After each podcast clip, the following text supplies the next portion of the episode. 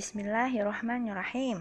Assalamualaikum warahmatullahi wabarakatuh Sahabat muslimah semuanya Semangat pagi di mana pun dan kapan pun sahabat muslimah mendengarkan podcast saya Selamat datang kembali ke podcast Let's Talk About You Muslimah dan masih bersama saya di sini yang setia menemani sahabat muslimah semua dengan obrolan ringan seputar Islam.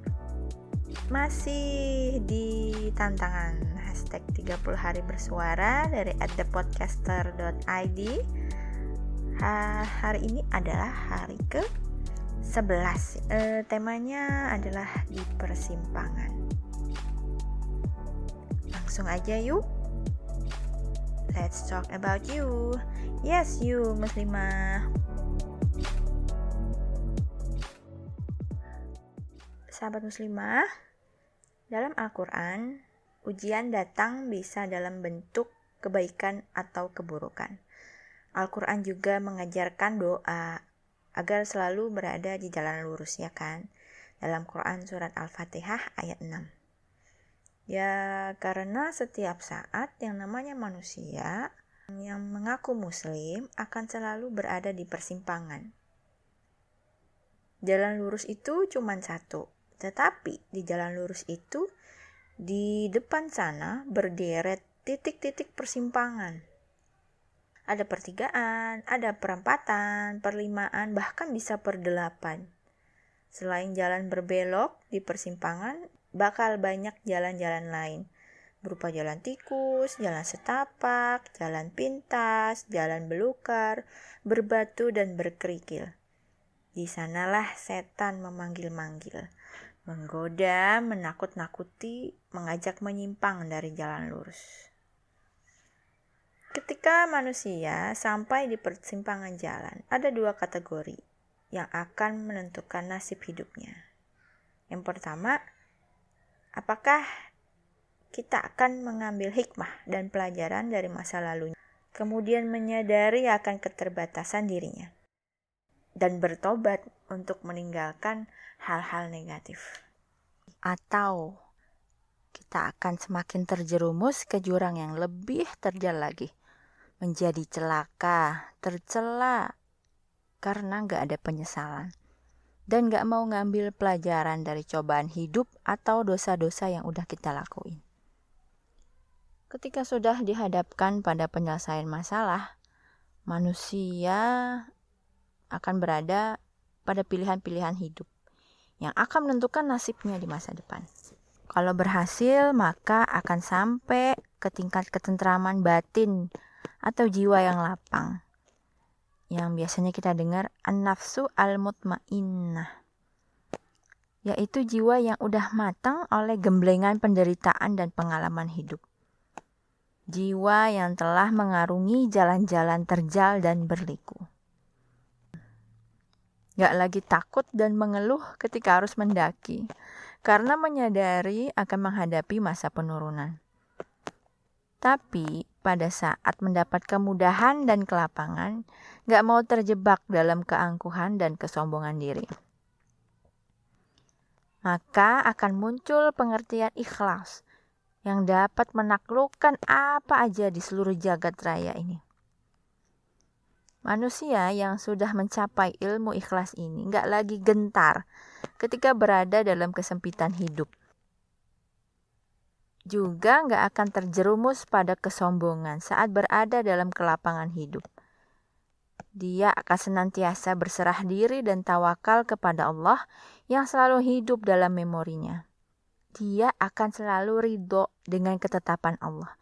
Dan Allah pun senantiasa ridho kepada hamba yang dikasihinya sebagaimana dalam Quran surat Al-Fajr ayat 27 sampai 28.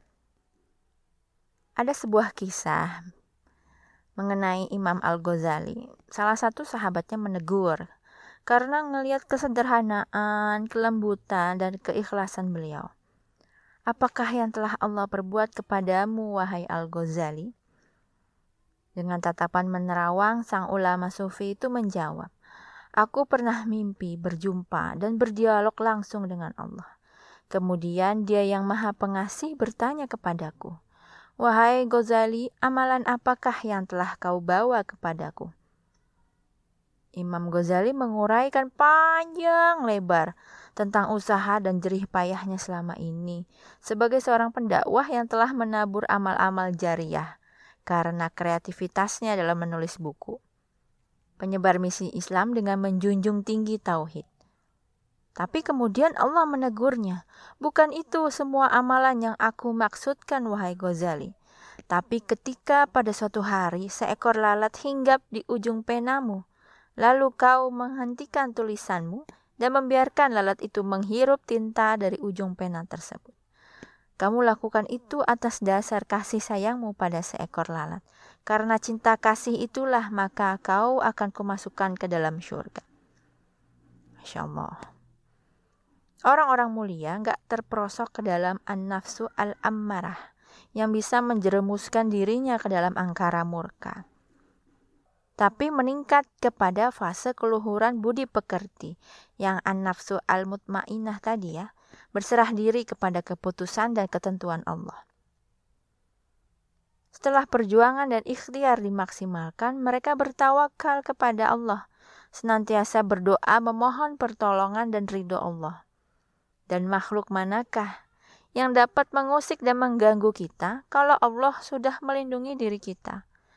Juga makhluk manakah yang dapat menolong kita kalau Allah nggak menghiraukan kita?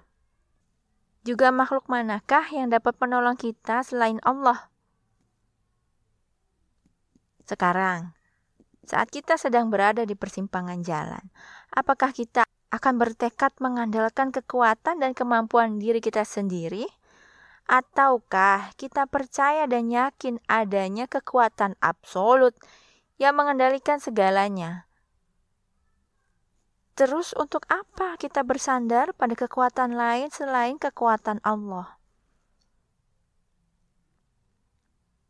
Kita sering kali percaya Allah sepenuh hati, tapi meninggalkan logika tawakal. Kita sering kali merasa mempercayai, mempercayai Allah nih sepenuh hati, tapi meninggalkan logika takwa, logika tawakal dalam upaya manusiawi kita. Kita sering meminta pertolongan Allah tanpa mengupayakan usaha dan keringat kita sendiri sebagai makhluk. Kita sering banget ngomong, kayaknya usaha saya tuh udah semua deh pokoknya. Udah maksimal banget. Tapi kok Allah kayak nggak ngebantuin gitu loh. Gitu ya Allah kita kerap yakin Allah bersiap di belakang kita dan sewaktu-waktu akan membela kita. Tanpa menajamkan senjata ikhtiar kita, tanpa memperbaiki aktivitas dan amal fisikal kita, tanpa menyortir strategi dan taktik terbaik kita.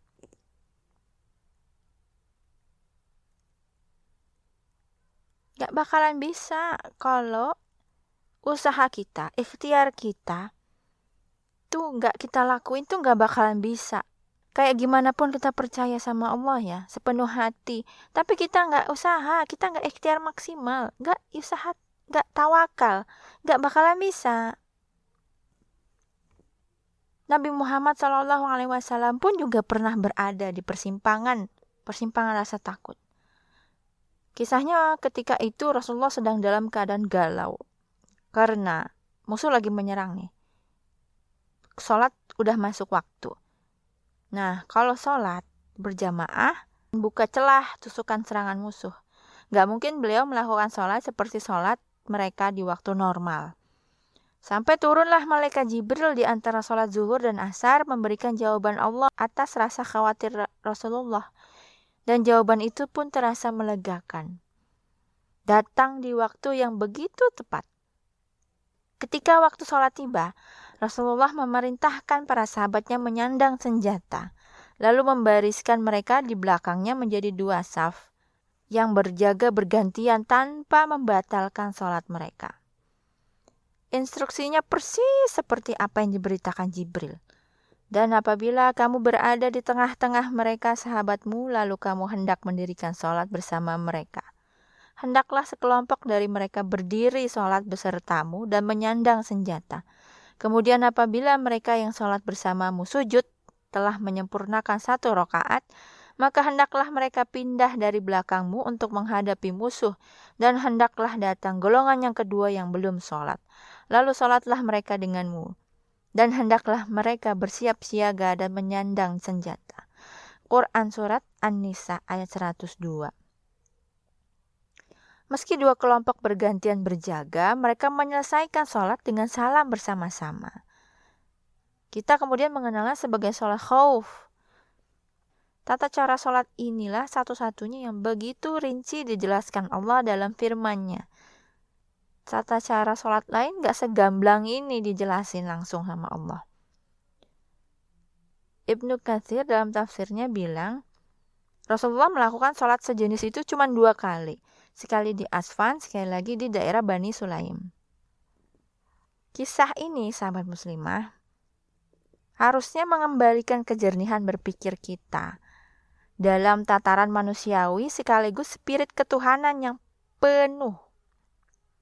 Gak ada yang perlu dipertentangkan antara kekhawatiran fisikal dan ketunduk pasrahan kita kepada Allah. Karena kita akan selalu ada di persimpangan.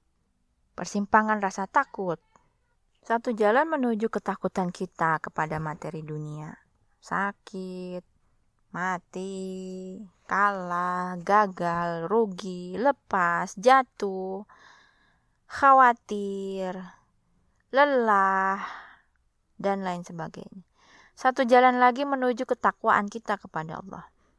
Ketika memilih hanya salah satunya adalah jebakan, kita perlu menyadari kalau jalannya kita ambil haruslah gabungan dari kombinasi takwa dan ikhtiar, niat mulia dan doa-doa yang melesat ke langit.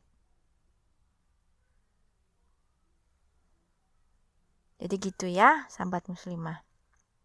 Kesimpulannya adalah ketika kita berada di persimpangan jalan hidup kita, Jangan merasa kita bisa berusaha sendiri itu tanpa kekuatan Allah itu jangan. Gak bakal bisa. Jangan juga kita mempercayai Allah sepenuh hati tapi gak disertai dengan ikhtiar dan tawakal. Itu juga gak bakalan bisa. Jadi harusnya dikombinasi antara takwa kita kepada Allah habluminallah kita kepada Allah dan ikhtiar kita. Niat mulia kita dan doa-doa kita. Jadi, kalau merasa lelah, wajar. Merasa merasa muak ya.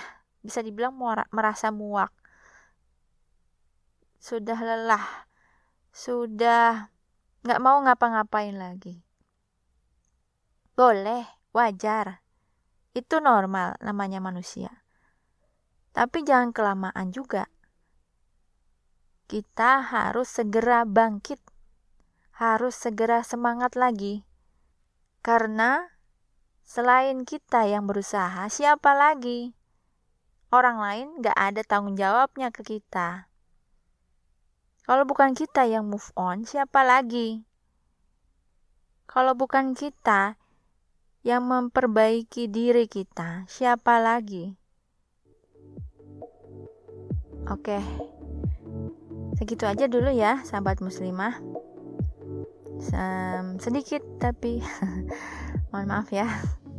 Ya, semoga bisa bermanfaat dan jadi pengingat pastinya untuk kita semua. Kesalahan pasti datangnya dari saya pribadi. Mohon maaf lahir batin. Untuk besok temanya adalah bucin. Penasaran gak apa yang mau saya bahas? Dengerin podcast saya besok ya. Sampai jumpa.